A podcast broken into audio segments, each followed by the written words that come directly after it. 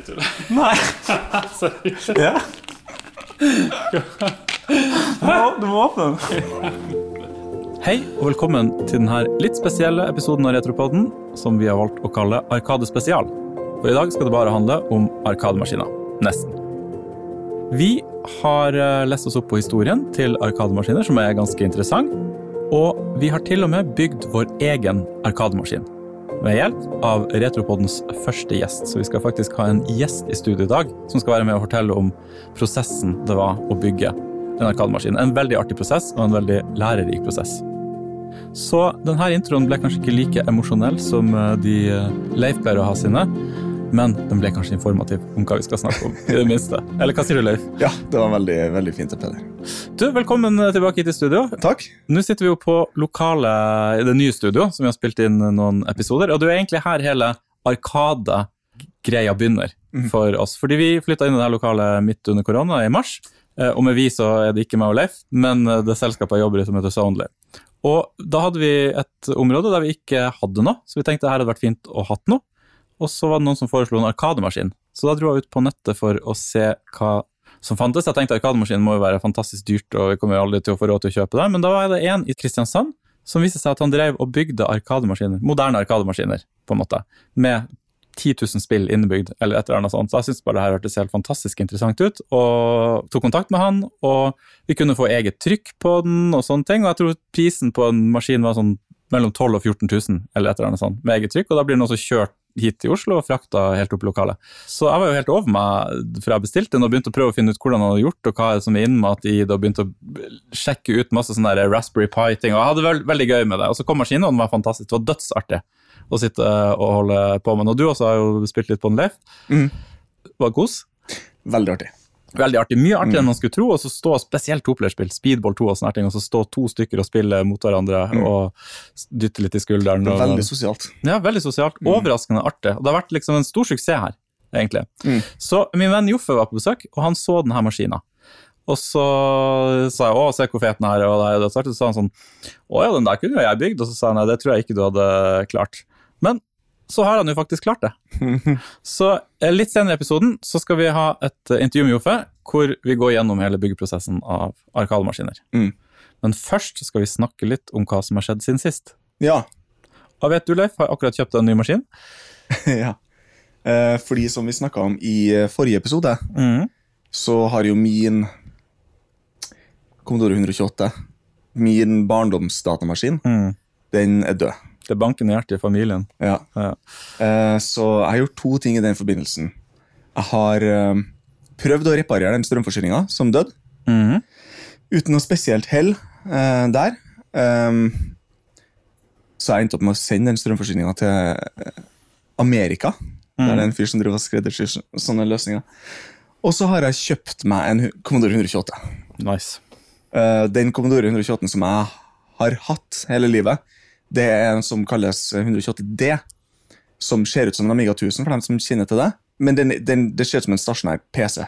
En desktop stasjonær PC.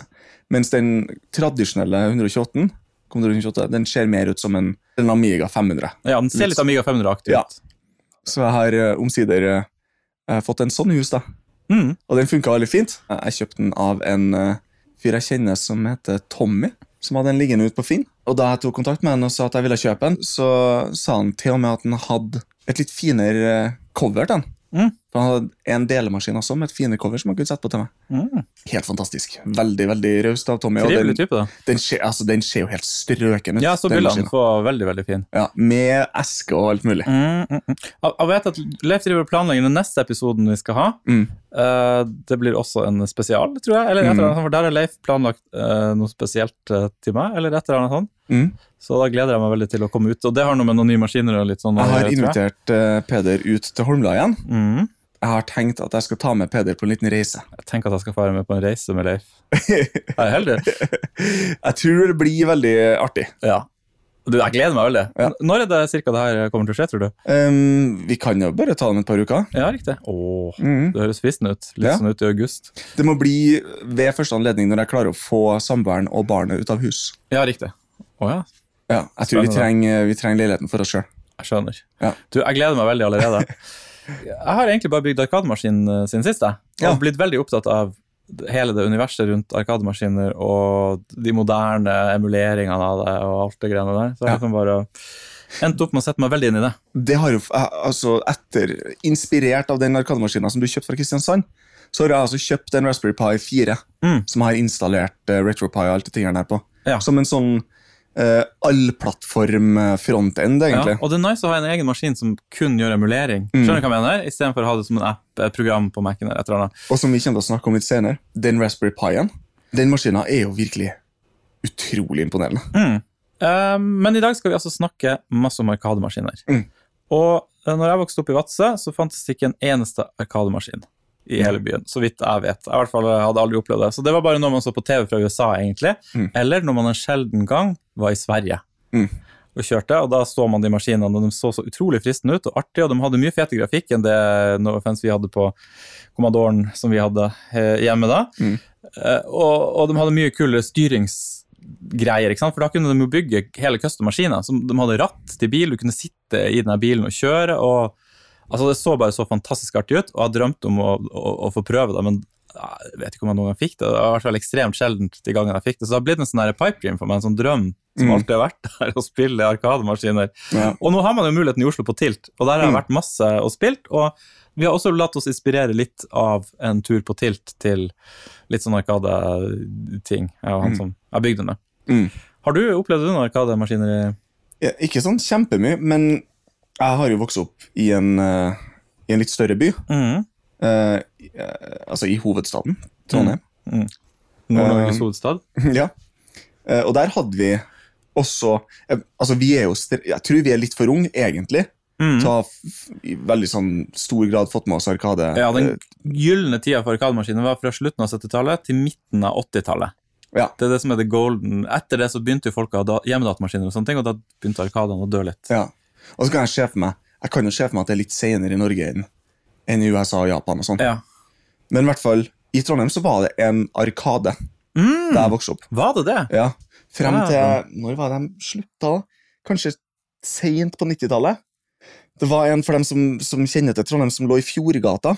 Det er på en måte en sånn gate som ligger langs, langs fjorden. på en måte. Jeg snakke om Fjordgata før, det var mye der. Ja, ja, Fjordgata er epicenter. Ja, det er det, og gaming. Ja. Mm. Der lå det en, en treetasjes arkade. Dæven, ja. Uh, som var litt sånn bursdagsdestinasjon. Ja, skjønner litt sånn House of Nerds. Uh, ja, ja. muligens. Jeg vet ikke hva det er for noe, men eh, Veldig, veldig kult. Og vi var, jeg var der kanskje tre ganger eller noe sånt, Mm. I løpet av mitt liv. Før, de, før det slutta å eksistere. De bygde en utrolig tacky Jeg skjønner. Så hadde du vært født litt før, så hadde du sikkert vært der ganske mye Ja, mer. det vil jeg tro. Var det artig å være der, liksom? Det var megakult. Men det var dyrt da jeg var liten. Ja, Var det en tier per spill, eller kunne du liksom Ja, det høres riktig ut. Ja, fordi nå er det jo skjetonger, liksom. Man... Ok, så det som har skjedd de siste årene, er at barcades har blitt populært. Mm. Og det er jo et fint ord, det er jo selvbeskrivende. Sånn som Tilt i Oslo, eller Polett, som også har åpna her. Mm. Der er, du drikker øl og spiller eh, Og det har blitt veldig populært, da. Mm. Og det er jo en grunn til det, for det er jo kjempeartig å dra på de stedene. Er Og da er betaler du for å spille. Nei, da betaler du Du kjøper polletter. Så det er ikke noe billig, sånn sett. Men, Nei, eh, Du får ikke noe, du får ikke, du får ikke polletter per øl. Nei, du gjør ikke det. Men jeg har vært på det her også i Warszawa, en Mm. by eh, som ligger nært mitt hjerte. Eh, og der var det Det var et pinballmuseum, de kalte det kanskje, som også var en sånn barcade. på en måte Du drakk øl, og det var en del arkademaskiner. Da mener jeg at du bare betalte deg inn, og så kunne du spille så mye du ville på de forskjellige maskinene. At det var liksom ikke noe lost til det. Så det er litt forskjellige måter å gjøre på det. Men uansett, det er en veldig artig måte å bruke en fredagskveld på, syns jeg i hvert fall. Mm. Men nå trenger man jo ikke det. Man trenger ikke å dra ut, for man har jo arkademaskiner hjemme på lokalet. Ja, For dem som har, som har råd og plass til det. Ja, men det er det at det er jo ikke så dyrt som man skulle tro det. Man skulle tro en arkademaskin kosta 30 000 i hvert fall. Mm. Men det er liksom rundt halve prisen kanskje, og billigere hvis du, hvis du bygger det sjøl. Ja. Men så er det jo da Det er, det er noen distinksjoner der som det kan være verdt å bare nevne eller å anerkjenne. da. Mm. Det første er jo at det som vi snakker om her, det som dere har bygd, og det som kom fra Kristiansand, og alt det der, det er jo emulering. Ja. Og kontrollerne er den her klassiske arkadestikken med noen knapper. Mm. Så man, man har ikke mulighet til å sette seg i en bil Nei. eh, og kjøre med ratt. Eller jeg husker hva var det vi hadde Hang On, eller noe sånt, som var et sånt motorsykkelspill.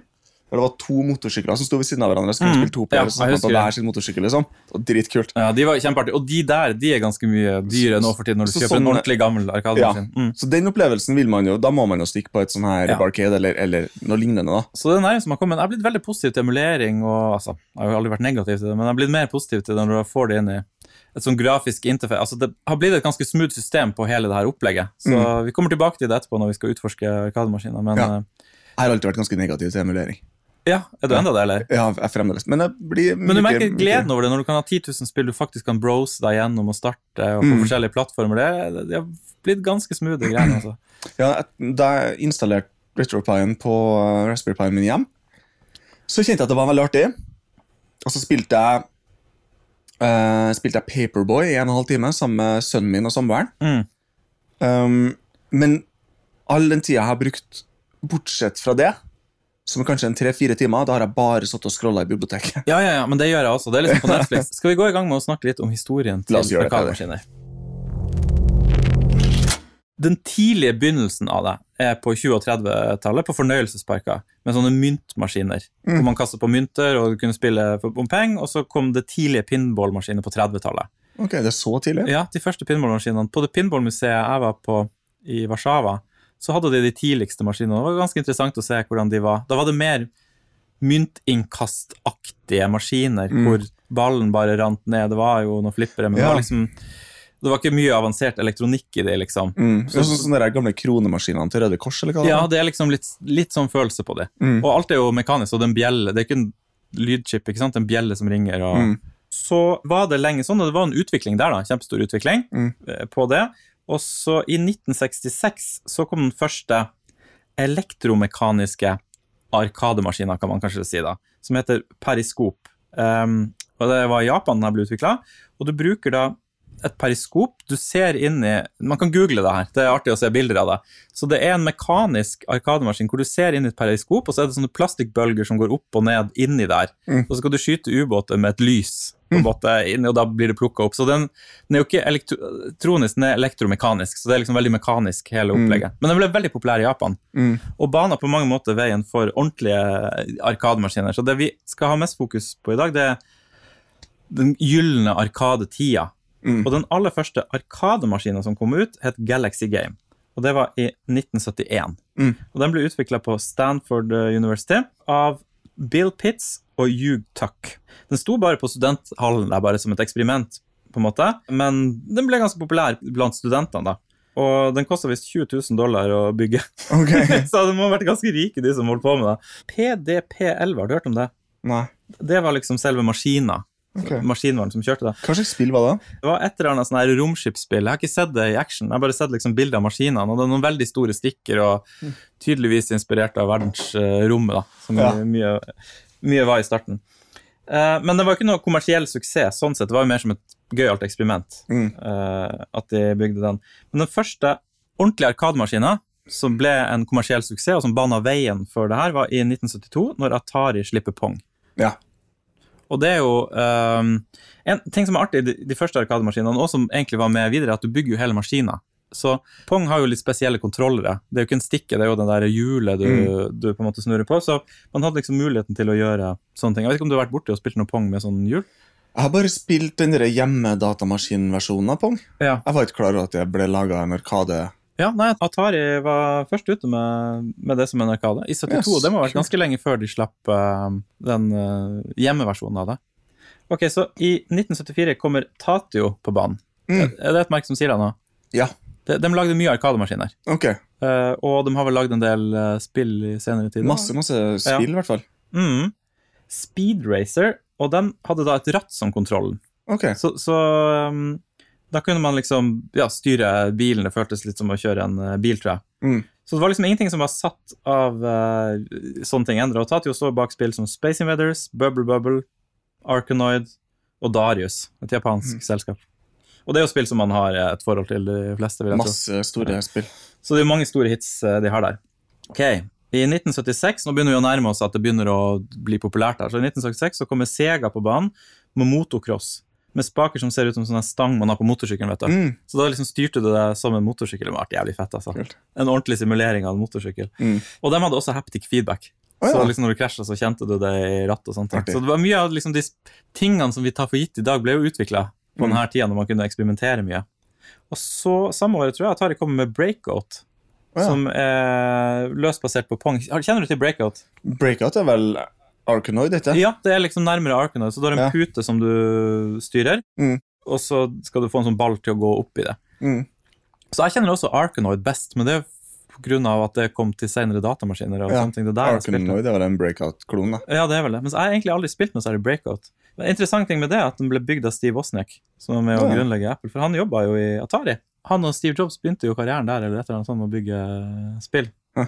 Og i 1978 så slipper da Tatio Space Invaders. Og det er det første man omtaler som, som blockbuster. Skjønner du hva jeg mener? Okay. Det var liksom Når en film kom på sommeren og blir en blockbuster sammen med denne her, det var en Arkadmaskin som bare alle ville ha. Mm. Og det skjønner jeg litt, men jeg, kanskje det er fordi Space Invaders har vært på alle plattformer på alt, til all tid.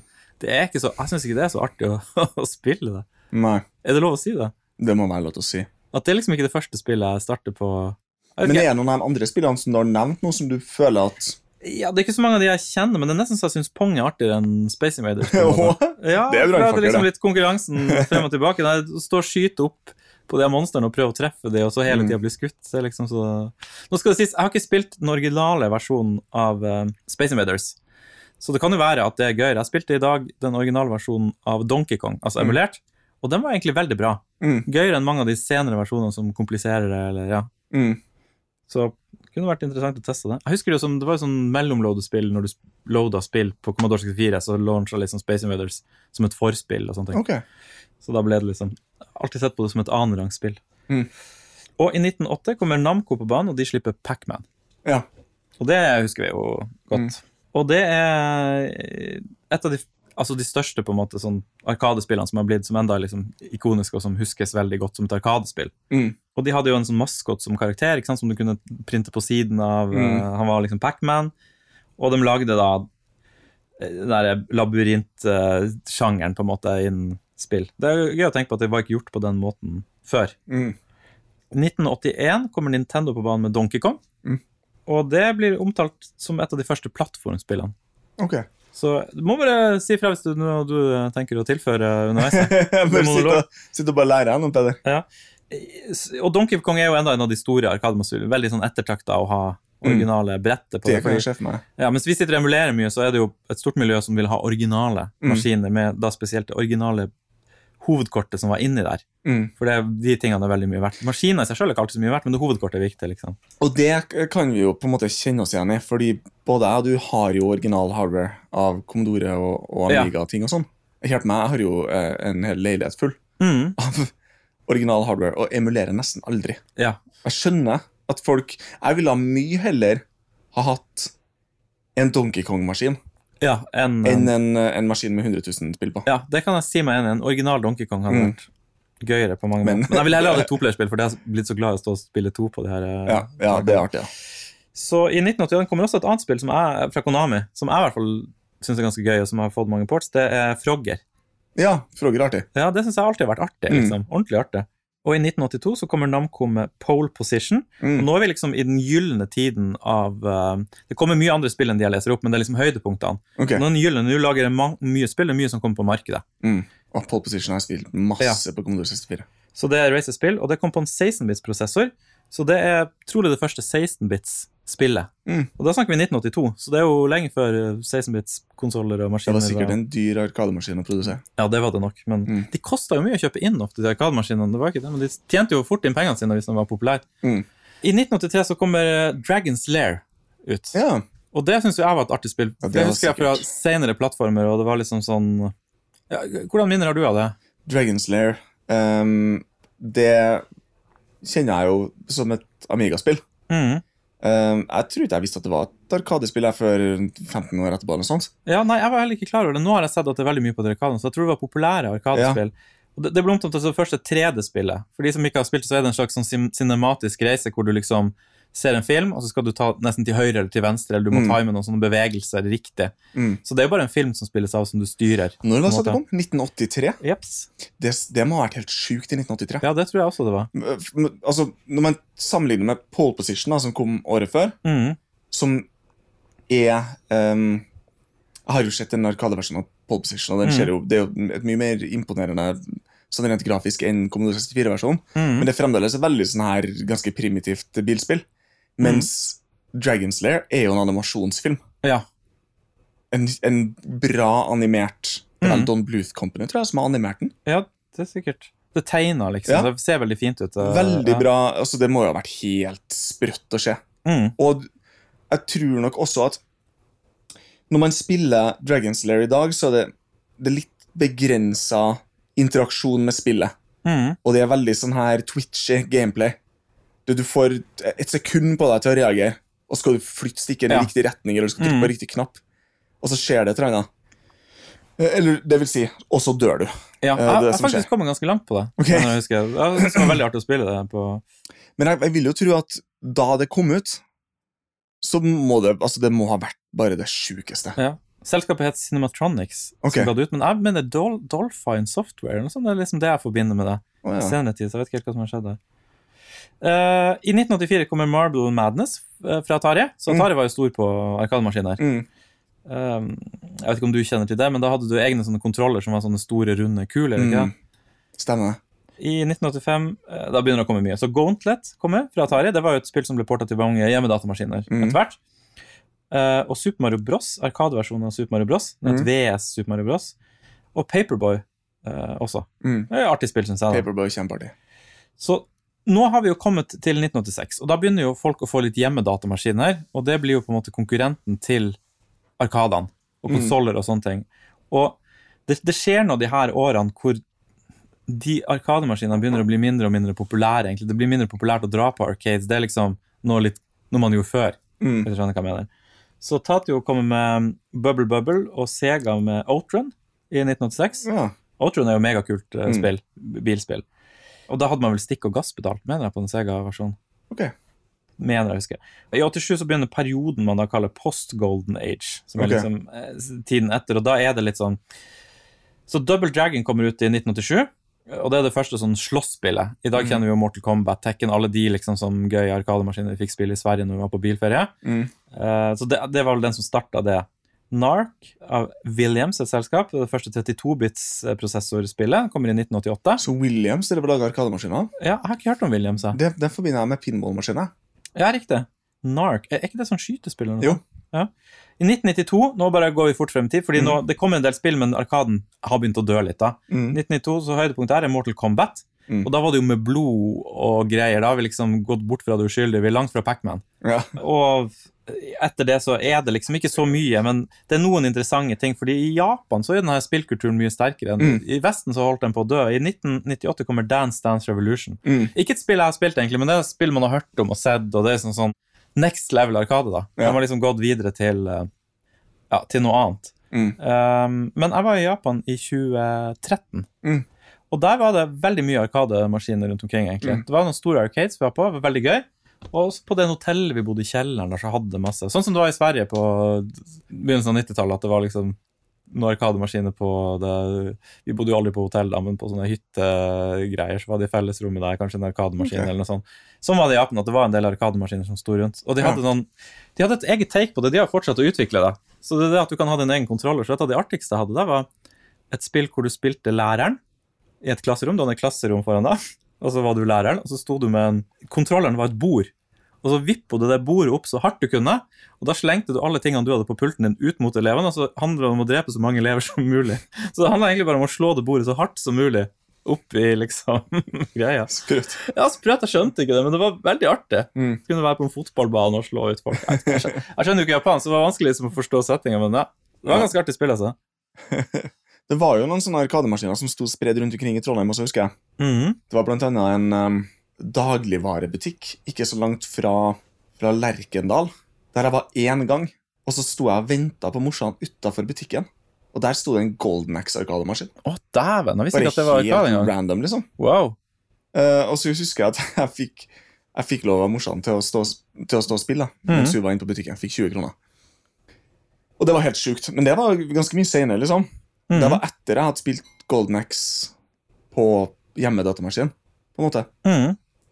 Men da husker jeg jeg syntes det var bare så kult at det var en arkademaskin mm. som bare var på en Men- dagligvarebutikk. Det må jo stå da en del av jeg vet ikke, det er folk som jakter det her, da, men det må jo stå, den, den har jo sikkert blitt stående på et lager, og så har den bare blitt stående. skjønner du hva jeg mener? Jeg tipper det enda står noen originale arkademaskiner rundt omkring på stedet steder man ikke skulle tro. Det var altså, Der hvor jeg vokste opp, på Saupstad, da var det Søbstadsenteret. Var en sånn lite torg, nærmest der det var litt sånn butikk og, og frisør og baker og sånn. Og på bakeriet så sto det en Commandos arkademaskin. Nice. Jeg er ganske sikker på at det var Commandos. Det var, eller, eller Ikari Warrior, eller Så, en sånn type spill. da. så rart i Trondheim at de bare hadde putta dem litt rundt omkring. Ja, det var, det var spesielt. Du, jeg tenkte å ta oss gjennom bare de arkademaskinene som har solgt best. Og på toppen her så har vi Pacman. Ja. Solgt 400 000 hardware units. 400 000. Mm. Det er Vadsøs befolkning ganger 1000. Det må jo enda stå ganske mye Pacman-maskiner som er originale. jeg må jo si, jeg syns det høres lite ut. 400 000 hardware units, ja. Ja, for Pacman. ja, På ja. verdensbasis. Men 400 000 maskiner eh, På verdensbasis? Ja, det er jo eh, en tiendedel av Norges befolkning hadde da kunnet hatt en. Hvis, uh, Ja, ja, men, Ja, er men Norge er jo et lite land. Jeg syns egentlig det høres ut som et ok tall. 400 000. Så det Eh, er ingen arkademaskiner som har solgt mer enn det. Nei, på neste plass har vi Space Invaders fra 78. 360 000. Street Fighter 2 fra 91, Mm. faktisk, solgt 200 000. Så det er jo ganske bra tall. Mm. Egentlig for et spill som kom så seint, på en måte. Og så har vi på fjerdeplass Donkey Kong eh, fra 1981. Mm. 132 000. Og da må jeg jo nevne filmen um, uh, The King of Kong, A Fistful of Dollars. Du har sikkert sett den, Ja. Leif. Eh, En av mine favorittdokumentarer gjennom tidene, som handler om en eh, person som finner ut i moderne tid, 2007 eller noe sånt, at han skal bli verdensmester i Donkey Kong. Mm. Og møter et kjempehardt spillmiljø som kjemper mot at han skal klare det. Er Fantastisk Ja, dokumentar. det, den, er, den er artig, faktisk. Uh, Mrs. Pacman fra 81 uh, har solgt 125 000, så ligger rett bak Donkey Kong. Mm. Jeg, har, jeg har ikke noe forhold til Mrs. Pacman. Jeg skjønner ikke helt forskjellen på det, men jeg har liksom ikke spilt så mye på det. Nei, jeg har ikke spilt der, nei. Og så har vi Asteroids fra 79 med 100 000. Defender fra 81 med 60 000. Kjenner ikke jeg til. Og så er det en lang liste da, som går nedover her med uh, fjentespill. Det er interessant at Dance Dance Revolution fra 98 enda er på denne lista på 20.-plass eller noe sånt. Men da snakker vi 3500 solgte. Ok, Så, så det er liksom mm. Hva tenker Commodore 64 som solgte et sted mellom 15 og 30 millioner?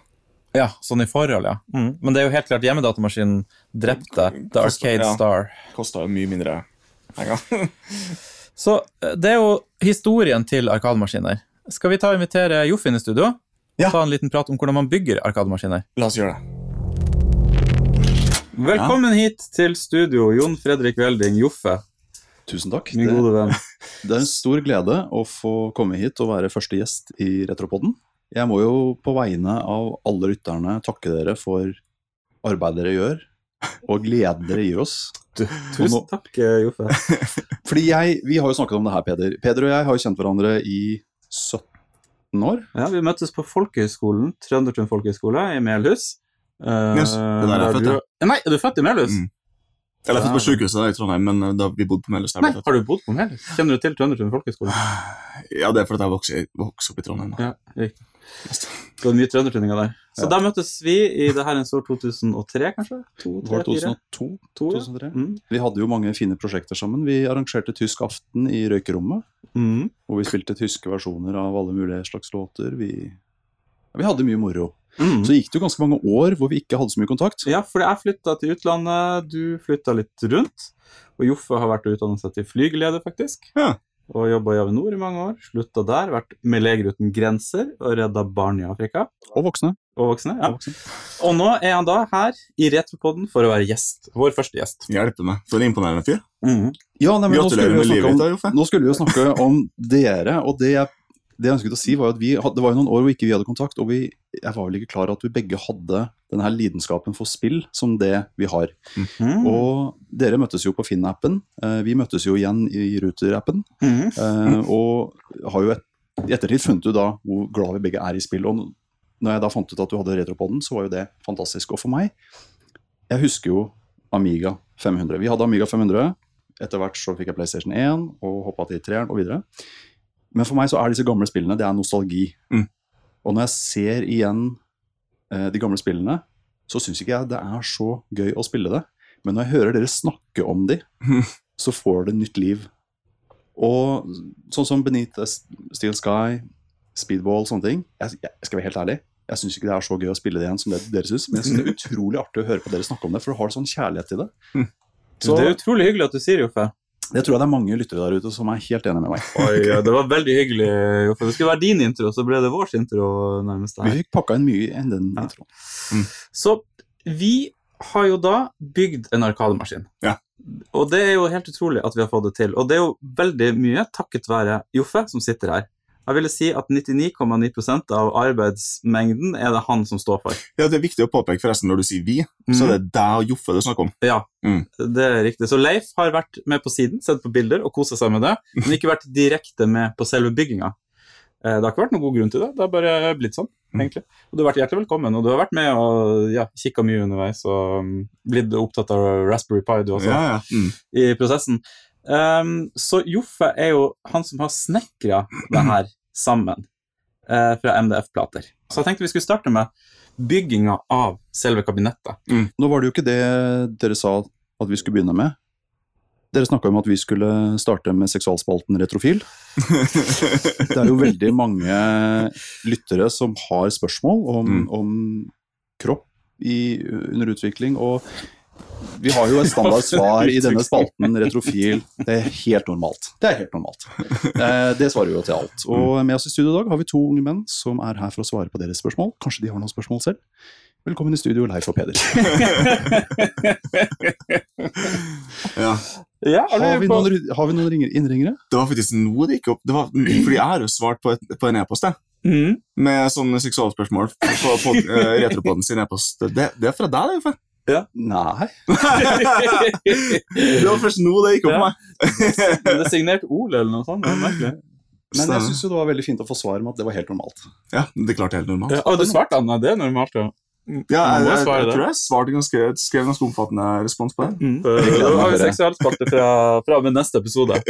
Eh, så eh, vi begynte med MDF-plater. Og jeg tror den vanlige Jeg ville tro hvis noen Hvis jeg skulle bygd en arkademaskin fra tre, så hadde det aldri skjedd, for jeg kan ingenting om det, og jeg er elendig med sånn der handywork. da. Mm. Men hvis jeg først skulle ha gjort det, hvis jeg hadde blitt tvunget til det, så hadde jeg nok gått på nett og funnet noen sånn ferdig oppmålte greier. Skjønner du hva jeg mener? Finne, man burde kutte sånn og sånn, det er en fin form. Og det synes jeg var artig med Joffa, at han gjorde ikke det i det hele tatt. Han så på det kabinettet og tenkte han, nei, vi kan jo lage noe mye finere enn det. Og så for meg virka det som du bare begynte ut fra intet å bygge en arkademaskin. Fordi det du har bygd er jo en annerledes arkademaskin enn alle de andre som man ser på nett. En mye finere en, synes jeg. Mm. Kulere form. Altså, vi tok jo tidlig et valg om at vi ikke skulle ha CRT-skjerm. Mm. Og det er liksom sikkert mange delte meninger om CRT-skjermer der ute, men jeg, etter vi tok det valget, så har jeg egentlig blitt ganske glad i altså flatskjermer. Det er så praktisk, for dem, men så lett. Mm. Og du sparer så mye på å slippe å drasse rundt på en sånn tung CRT, som er dritdyrt og vanskelig å få tak i. Så greit nok at CRT er liksom den originale greia, men det funker ok med de. Mm. LCD-skjermene, og det er liksom den fordelen du får med en HDMI rett inn, og det er liksom Ja, så kan du jo bare legge på et mer slags filter i Ja. softwaren også. Så greit, det er ikke like fett, men det er ganske fett, liksom. Og du sparer så mye plass på det. Så han har jo lagd en tynn, mye tynnere arkademaskin Mm. enn det man er vant med å se. Du skal få slippe til ordet, Joffe, siden du faktisk har gjort det her. Jeg har jo da jobba i utlandet og har leid ut leiligheten min mens jeg var ute. Og kom nå tilbake til Norge rett før korona slo til som verst. Og bor da på hytta mi. Og hytta mi ligger på en øy Mm. I ytre Enebakk. i Ytre Enebakk. Um, det er veldig fint når det er fint vær, men det er litt stusslig når det regner og blåser. Og det er jo ikke strøm og vann der, så det er litt primitivt. Og det å baksere tre kvadratmeter store MDF-plater ned i en liten 13-fots båt når det blåser, det var en um, Ok, så du bor på hytta der ute og skal drive og frakte de her MDF-platene. Eh, Ja, og det, ja, og det er det som er problemet. at Hadde vi hatt et snekkerverksted eller en garasje eller et eller annet sted her inne i Oslo, så hadde det vært veldig mye spart arbeid, men det hadde vi jo ikke. Peder, kan du sette på intromusikken? ja.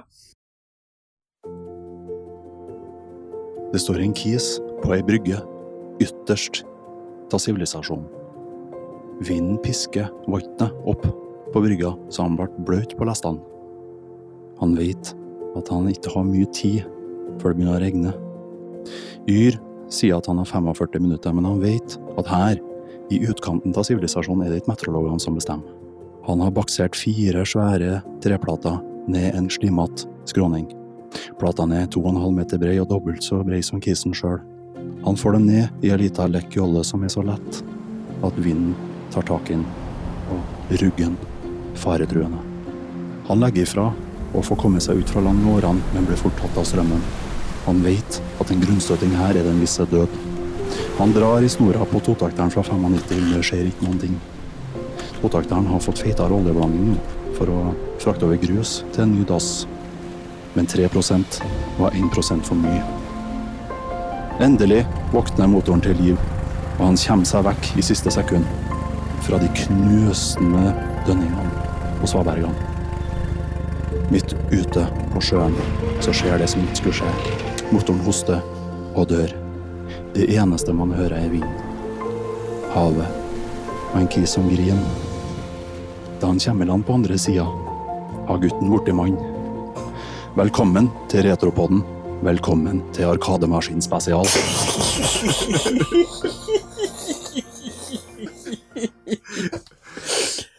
Å, det var en bra Ja, det. Le- Leif-invitasjon. Ja. Jeg ble like levende som sist, egentlig. altså, jeg føler ikke at det var like malerisk, for du, du Det ble litt dystert, kanskje, men Ja.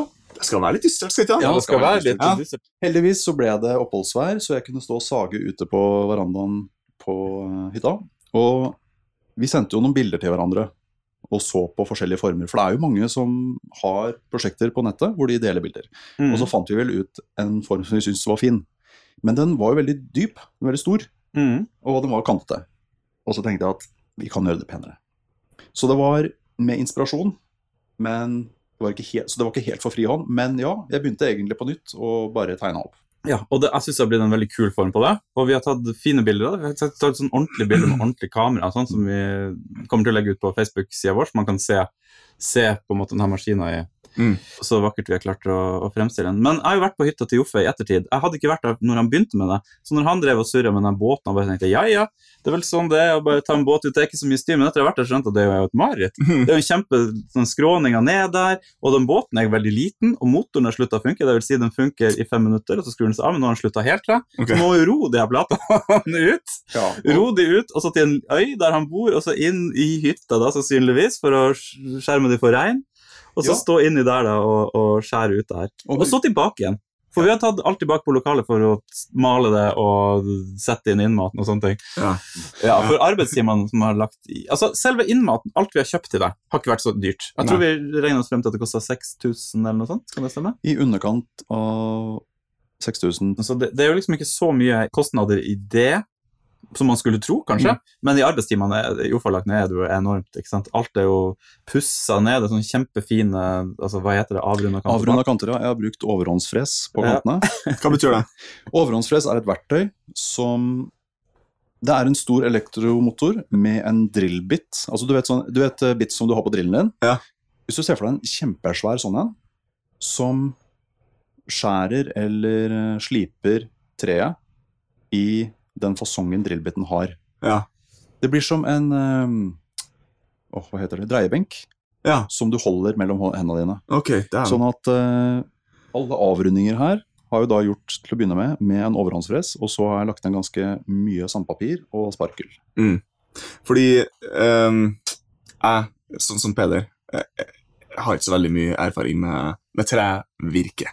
Men jeg og samboeren min har prøvd å lage nye fronter på kjøkkenet. Mm. Og da er det jo litt viktig å få en sånn uh, avrunding på kantene. Uh, så vi driver og, og strever med dremmelen. For å prøve å få til. Men da er det overhåndsfres dere skal ha.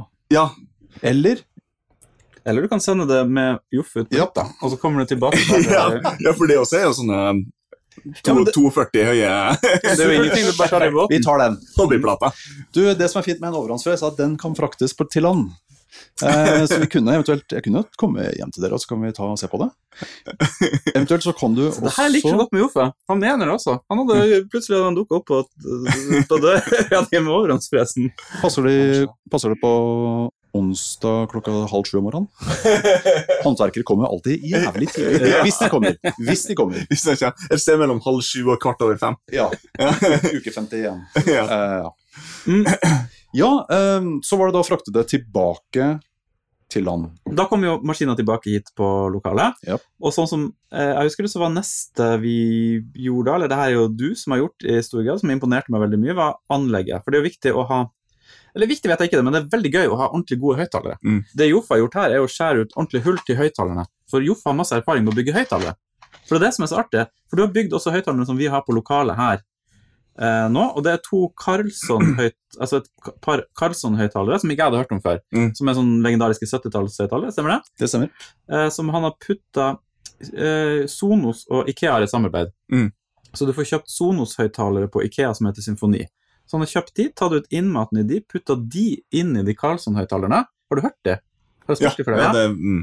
Og, og, og da kan man tune de og sånn, og de låter helt fantastisk. Mm. Og de er helt trådløse. Og de, de ser dritkule ut, 70-talls høyttalere, liksom, men som da låter som 2020. Ja, Carlson Stig Karlsson var jo en legendarisk høyttalerbygger, og fremdeles så er jo de beste høyttalerne fra 70-tallet det er jo fantastisk i dag. Men med den eh, Sonos-hacken, det var helt fantastisk hvor, Mm. hvordan det høyna lyden. Jeg husker du ble imponert sjøl når vi spilte det, og det funka. Det var bare helt sånn Jeg ble kanon, Det låt som studiohøyttaler, liksom. jeg ble kanonoverraska, for jeg elsker jo Carlsson og har hørt jeg vet ikke hvor mange Carlsson-par jeg har eid og modifisert, men det her låt bedre enn noen av de andre jeg har gjort. Men Da var du i gang å bygge bass. Da bygde du en ordentlig basskasse også. Ja. Um, tilbake til den første arkademaskinen som du kjøpte, den fra Sørlandet. Ja. Der er det jo et uh, PC-høyttaleranlegg inni, som, hvor han har fjerna den ene høyttaleren, så det er egentlig et monoanlegg. Og han har bare lagt det inni kassa. Så det vil si at det er litt sånn Ja, det er litt møfla. Ja. Mm. Og sånn kan vi jo ikke ha det. Eh, Så eh, ja, jeg gutta en boomblaster og bygde en eh, dobbel basskasse i bånn.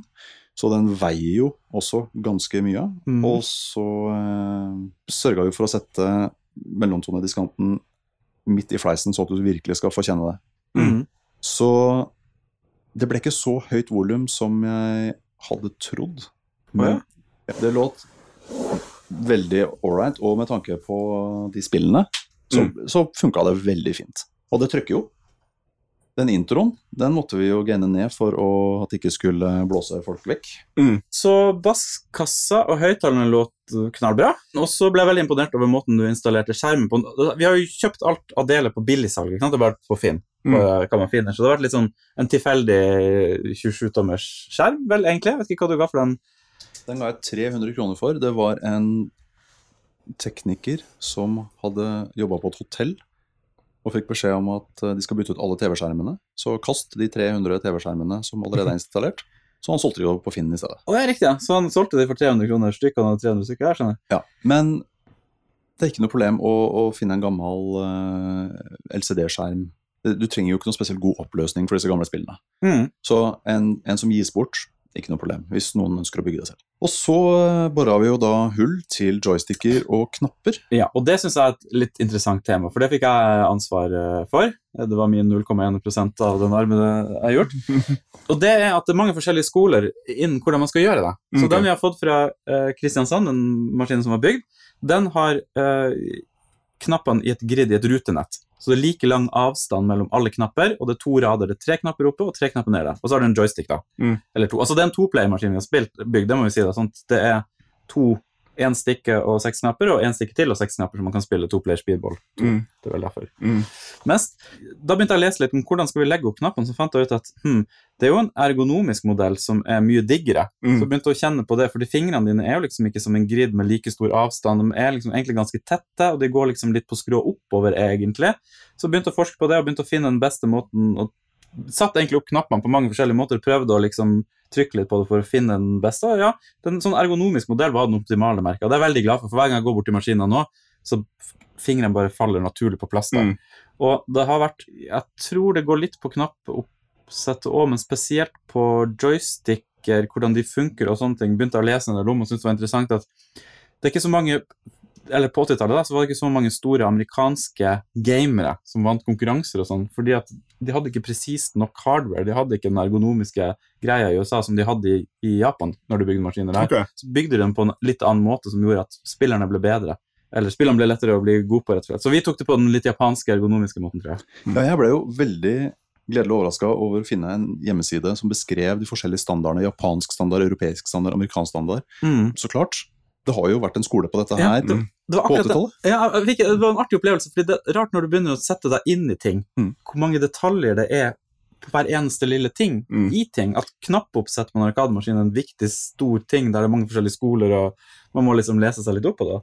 Så de knappene fikk vi på plass, og de kommer fra Amazon. Da var det en del forskjellige kla- knappekits man kan bestille. Mm. Og, de, og da er det sånn at du bestiller jeg tror det er åtte knapper du får med, og så en stikke. Og så bestilte vi noen ekstra knapper til liksom start og coin og sånn for å få fine symbol på de. Og så kobles de inn i en sånn ting som går inn i USB-inngangen. Som- Til syvende og sist går den på USB, da. Så kobler den bare inn i Raspberry Pi-en på USB. Mm. Det var egentlig ganske lett å sette opp. og Det, det, det er vanskelig å si hva man skal kjøpe, men vi valgte de, ikke de billigste på Amazon, men de som var litt over. For det er digg å ha god feedback i liksom, stikker og i knappene og sånne ting. Og jeg er ganske fornøyd. Jeg synes det er digg. eh, Og du var trykka litt på den nå Mm. i sted, og du likte den. Ja, jeg syns det kjentes veldig ålreit ut. Litt mjukere enn jeg er Mm. vant til at sånne arkadestikker Jeg syns ofte at de er veldig stive. Ja, de kan være ekstremt stive, faktisk, Mm. når jeg tenker etter. Men ja, de er litt mykere, sånn som oss. Mm. Ikke sant? Maskiner reflekterer jo vårt liv, på en måte. Mm. Mm. Det er jo sånn filosofien er. Hva mener du? Du er jo en mannemann. Ja, jeg er jo en mann, Jeg er jo en mann, egentlig. Til dere som eh, aldri har møtt Peder, han sitter jo her i kodebankesinglet eh, med bart og, og Jeg sitter i en blå bermuda-aktig shorts. eh, og sokker langt oppover. um, så etter stikkene var satt på, så eh, var det å begynne å koble opp, for min del, eh, selve maskina. Og da har vi jo brukt en Raspberry Pi, og da har jeg måttet forske en del på det. Så jeg fant ut det koster 500 spenn for en Raspberry Pi. Den leser SD-kort, det er dens harddisk. Du kjøpte den, satte inn SD-kort og fant ut at det er en fantastisk maskin. Altså, til 500 kroner. Det er jo en dritbra desktop, altså Kobler den til en skjerm, og så har du en bra Linux-maskin, liksom. Mm. Jeg er egentlig helt sjokka over hvor bra, Ja, bra den er. Og Mm. den em, klarer jo å kjøre emulatorer helt opp i Nintendo 64. Mm. Altså, du klarer å emulere en Nintendo 64 på en 500 kroners datamaskin. Helt utrolig. De her moderne arkademaskinene som man bygger nå, som går på eh, Raspberry Pi, da installerer man et eget image som heter RetroPie, som er det som kjører hele greia. Og RetroPie er egentlig bare en klynge med emulatorer som er satt sammen til en front-end i noe som heter Emulation Session. Så det er et litt sånn univers av programmer som har kobla seg sammen, på en måte. Men for brukeren til syvende og sist så ser det veldig kult ut. Du kommer inn i et univers hvor du velger system, Commodore 64, Atari 2006, du trykker deg inn på den, og så ser du masse forskjellige spill, og så velger du hva du vil spille. Så du blar deg liksom gjennom spillhistorien Mm. i det, og det det syns jeg er veldig veldig artig med det. Så da, det her ligger åpent på nettet da, på en side som heter Arcade Punks. Så da får man henta de her ned. Så I og med at de ikke er tatt ned, så er det vel Jeg vet ikke. Hvor, altså Det er jo ikke lov, men det er vel det der. Så vi testa litt forskjellige rom, så har funnet noen som vi liker veldig godt, da, med en sånn fronted som er gøy å bla i. Og har satt sammen en liten sånn ting. Mm. Fikk installert uh, Raspberry Pi. Den hadde til og med et skruhull, så vi kunne skru den rett inn. Kunne vi ikke det? Uffe? Jo, det stemmer. faktisk skrudd fast i maskina. Fikk det opp å gå med stikkene, kobla til skjermen. Lyden. Alt det skjedde jo på samme dag, mer eller mindre. Og sto der og spilte og kosa oss og klappa oss på skulderen, for det var helt utrolig. Så begynte vi å se på eh, hvilke trykk vi skulle ha, hvilke motiv vi skulle ha. Og da er det heldigvis noen nettsider der ute som eh, hjelper til med det her, og har en del ferdige trykk som man på en måte kan kjøpe, men det må tilpasses til alle maskiner. Og siden vi hadde ikke bygd etter normal, da, eller Joff hadde ikke bygd etter normal, så var det litt sånn Da målte vi opp hele maskinen, alle hjørner, det er veldig mye sånn avrundinger og sånn. Mm. Og så sendte vi det til et engelsk firma som het rockstarprint.co.uk, og en som het Paul der. Og da så vi gjennom masse forskjellige temaer og sånne ting, og fant et som vi likte, og så har han hjulpet oss å tilpasse det. Og det ble da Back to the Future-tema. Mm. For det er jo litt sånn Back to the Future, Back to the Arcade, liksom. Mm, det, det- er, litt den Passer greia der. Så da fikk vi bestilt inn trykk på begge sider av kabinettet, Mm. og på det som heter kickplaten, som er det som er foran under, som han sikkert sparka i sikkert der av kickplate, Mm. når han ble sur, og den som er der oppe, som heter markien, som er det lysende skiltet Mm. som liksom er der oppe, hvor det står Street Fighter, eller det står da Back to the Arcade på vår. Det var vel ingen av oss som hadde kutta vinyltrykk før. Nei. Eller tilpassa det til arkademaskiner før, og det kom jo i et stort rektangel, Ja, og så må man da skjære det til. Okay. Og det, det var en spennende tid. ja det var, Um, men det var en artig kveld. Det var en artig kveld. det var en artig kveld, og det ble det ble det var ikke alt som ble helt rett, men det ser veldig bra ut. Jeg synes det var kanskje den største opplevelsen når vi fikk på det trykket. Først tok vi på den ene sida, brukte god tid og nal og, og liksom sånne ting for å få det fint, og så satt det. Så var Joffe veldig flink å skjære det til med tapetkniven, så det liksom ble helt sånn rett i forhold til kanten. Mm. Når det var på, vi så det, så bare wow, det her er jo en arkanmaskin. Den her kunne stått på tilt, liksom. Mm. Ingen hadde reagert på det. Da var det bare enda litt mer pussing og de siste Ja. som skulle på plass. Og nå har vi 99 er litt grann med skjermen. Jeg har klart å fucke opp uh, dessverre den rommen som er inni der, for jeg skulle pimpe den litt i dag for Leif kom for å vise den, men jeg har klart å korrupere hele fil- filsystemet. så jeg må begynne litt på nytt med å bygge opp uh, den, men det syns jeg er gøy. Så det er greit nok. Men vi er veldig tett på at den er 100% komplett. Hvordan føles det, Joffe? Du, det føles fantastisk. Uh, spesielt det trykket som jeg syns bare var helt nydelig, og som gjorde hele maskina for min del. Mhm. Og jeg har jo sittet og spilt litt på den, og gjenopplevd barndommen på mange måter. Gjenopplevd spill som jeg har glemt. Mm. New Zealand Story, Mm. plutselig. Ja, det er bra. Mm. Og jeg kom jo på det. Hvor mange timer jeg har sittet og spilt det og kost meg med det. Og det er så gøy at du også har spilt masse New Zealand Story. Jeg har spilt dritmasse New Zealand Story. Mm. Badlands, Supercar Racer Du har jo vært i New Zealand, Nei, jeg har vært i Australia. Eh, men vi har alle vært i New Zealand Story. Godt sagt, Peder. jeg kjenner jo ikke Joffe noe særlig godt. Jeg kjenner jo deg ganske godt etter hvert. det er det. Eh, jeg har ikke noe trøbbel med å tro at du kunne ha klart å, å få en SD opp og gå på Raspberry Pi.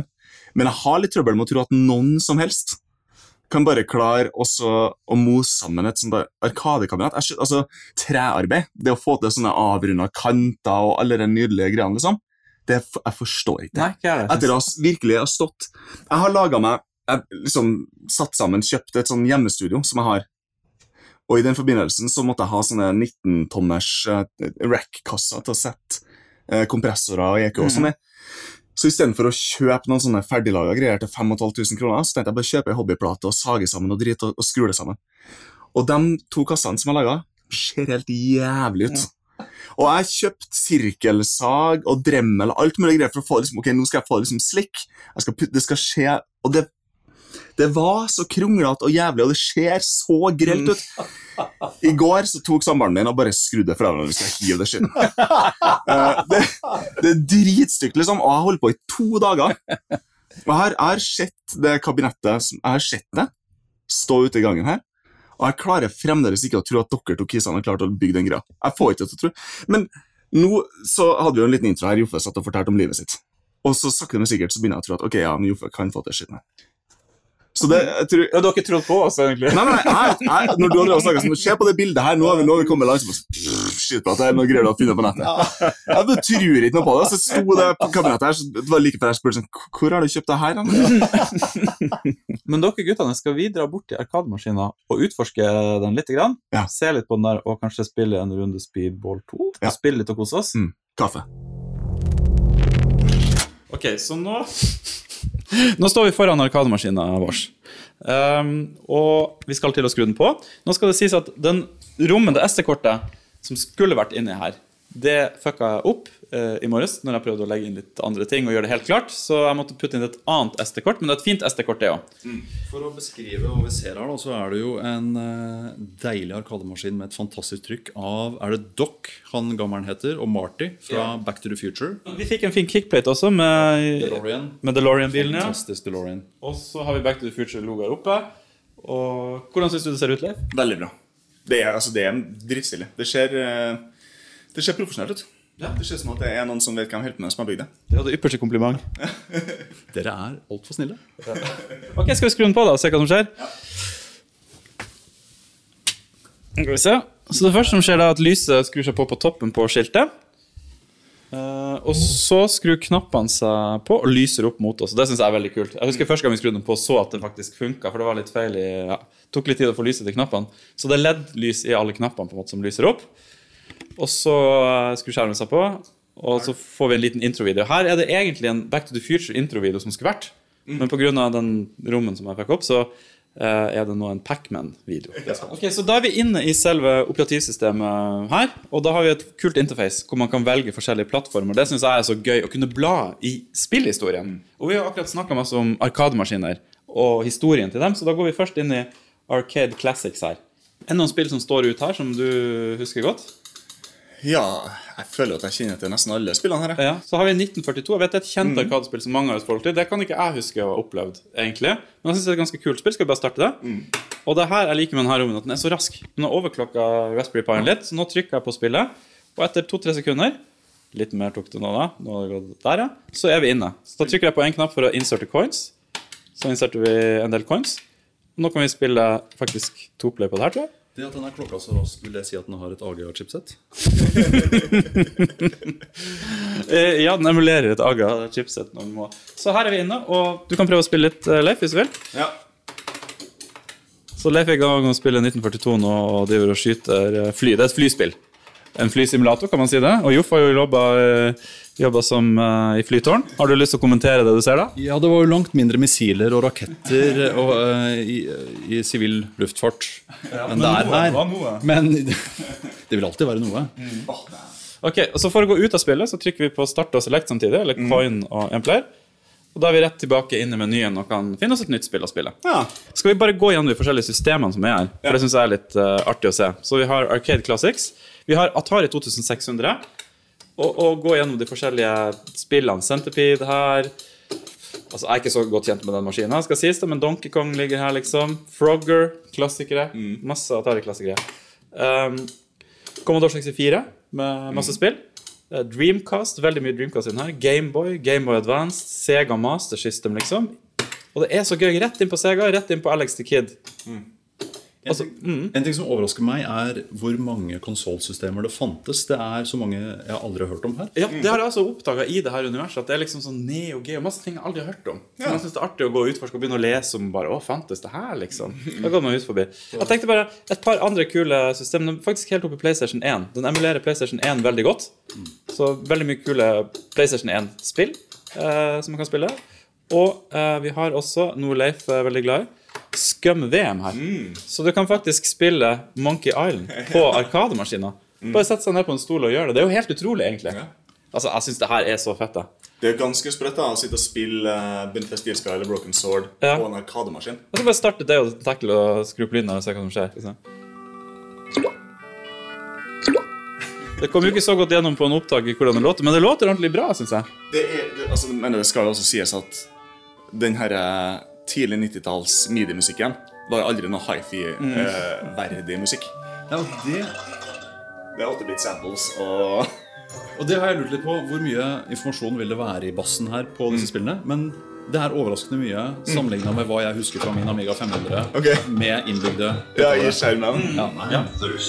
Ok, Så det var Scum VM. Funker overraskende bra. Det er jo anbefalt, Nå står vi her og spiller med stikker, men det er anbefalt å, man kan koble til mus-tastaturer. Så får du plutselig mye flere muligheter. Og da tenkte jeg bare å gå inn i en kategori her som jeg syns er interessant, som er ports. Som er ports til sikkert Raspberry Pi eller noe sånt. Da Da får du Doom. Doom 2, Quake blant annet her, som du faktisk kan spille med sånne stikker, som er ganske, ganske gøy, faktisk. Og kjøre dritsmooth på det her systemet. Ok, så Da har vi kikka litt på systemet her, og det virker som at uh, Leif uh, syns maskina ble fin. Ja, veldig bra. Imponerende. Så da er det bare én ting eh, å gjøre. Det er å kjøre i gang Speedball 2 og ha konkurranse. Er dere klare for å ta første runde? Jeg skal knuse Leif. Ja, det her blir artig. Lykke til. Det er ingen som noen gang har slått Leif i Speedball 2. Eh, hvis jeg vinner, så får jeg AGA-chipsettet ditt. Og hvis du vinner, så kommer jeg og lager avrunding på kjøkkenfronten. Faen meg greit, ja. Nydelig. Godt. Og jeg og Leif og Joffe vi ble stående lenge og spille Arkadespill. Og det er så artig når man står der og spiller toplayer på de her klassiske spillene. Det er mye artigere enn man skulle tro. Men denne arkademaskinen har ikke vi bygd til oss. For vi har jo allerede en ok arkademaskin på lokalet. Så helt siden vi begynte det prosjektet, så har vi hatt en helt annen person i tankene. En spesiell person som jeg er veldig glad i, og som jeg har hatt veldig mye med i veldig mange år. Han hadde akkurat bursdag og ble 40. Min bror Jørgen, som også er en aktiv Retropodden-lytter, og syns det er veldig koselig at vi holder på med det her. Så vi har bygd den for å gi den i bursdagsgave til han. Og han kom opp på lokalet. Han visste ingenting om det her. Og jeg tok med meg opptakeren. Jeg tror ikke han så at jeg hadde den i handa en gang, fordi han ble så overraska over hva som venta. Så jeg pakka inn arkademaskinen i eh, flott gavepapir, satte en sløyfe rundt den, møtte han nede og tok et opptak av det. Så kunne han høre hvordan det gikk.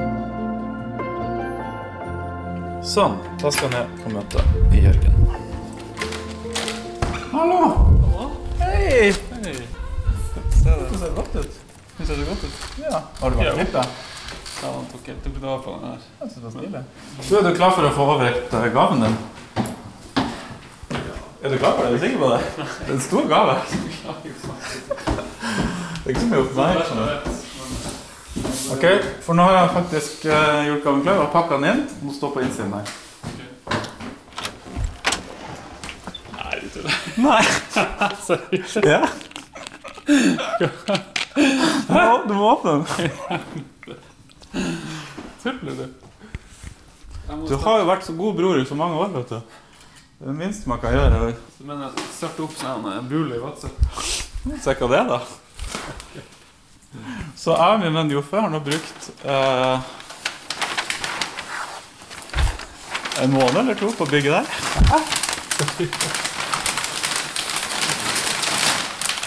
Seriøst? Hva er det hvordan det bygge her? Ja, det har vært en lang jobb å prøve å finne ut hvor man bygger noe kalmar. Ja, er det liksom byggesett? Nei, nei, nei. Alt er bygd fra bunn. Hæ? Ja. Tuller? Bare funn, han har funnet på designet. Joppe som har gjort størstedelen av jobben. da. Funnet på designet, prøvd å finne ut hvor man får stikke, hvor man får trykk.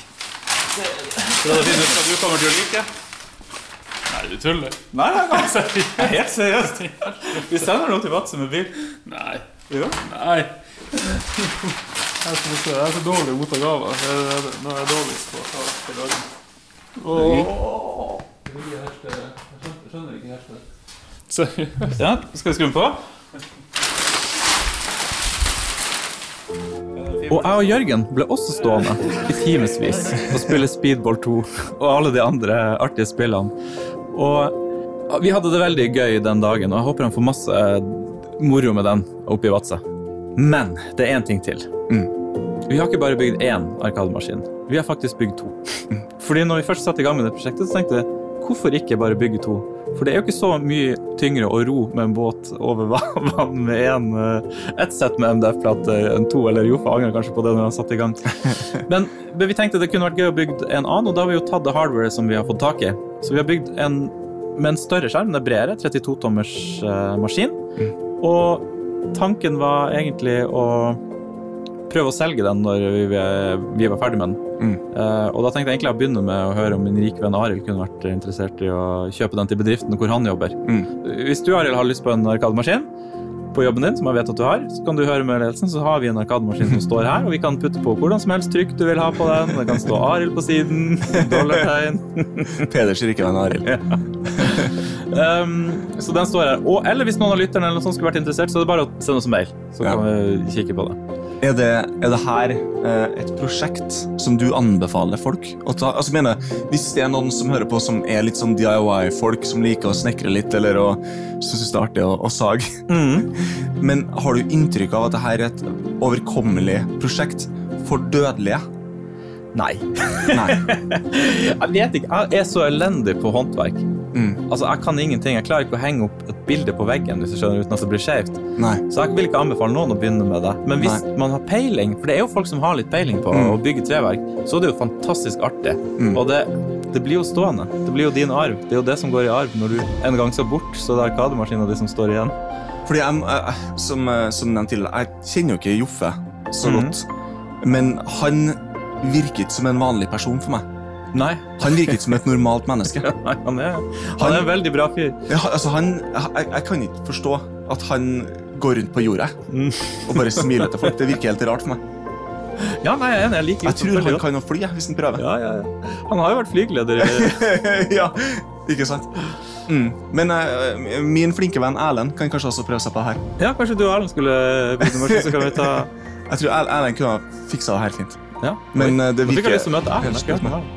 Men jeg vet også du har brukt mye tid på å forberede neste episode, som da Ja. er en hemmelighet, som ikke jeg Mm. vet, ingen vet. Så det blir veldig spennende å se.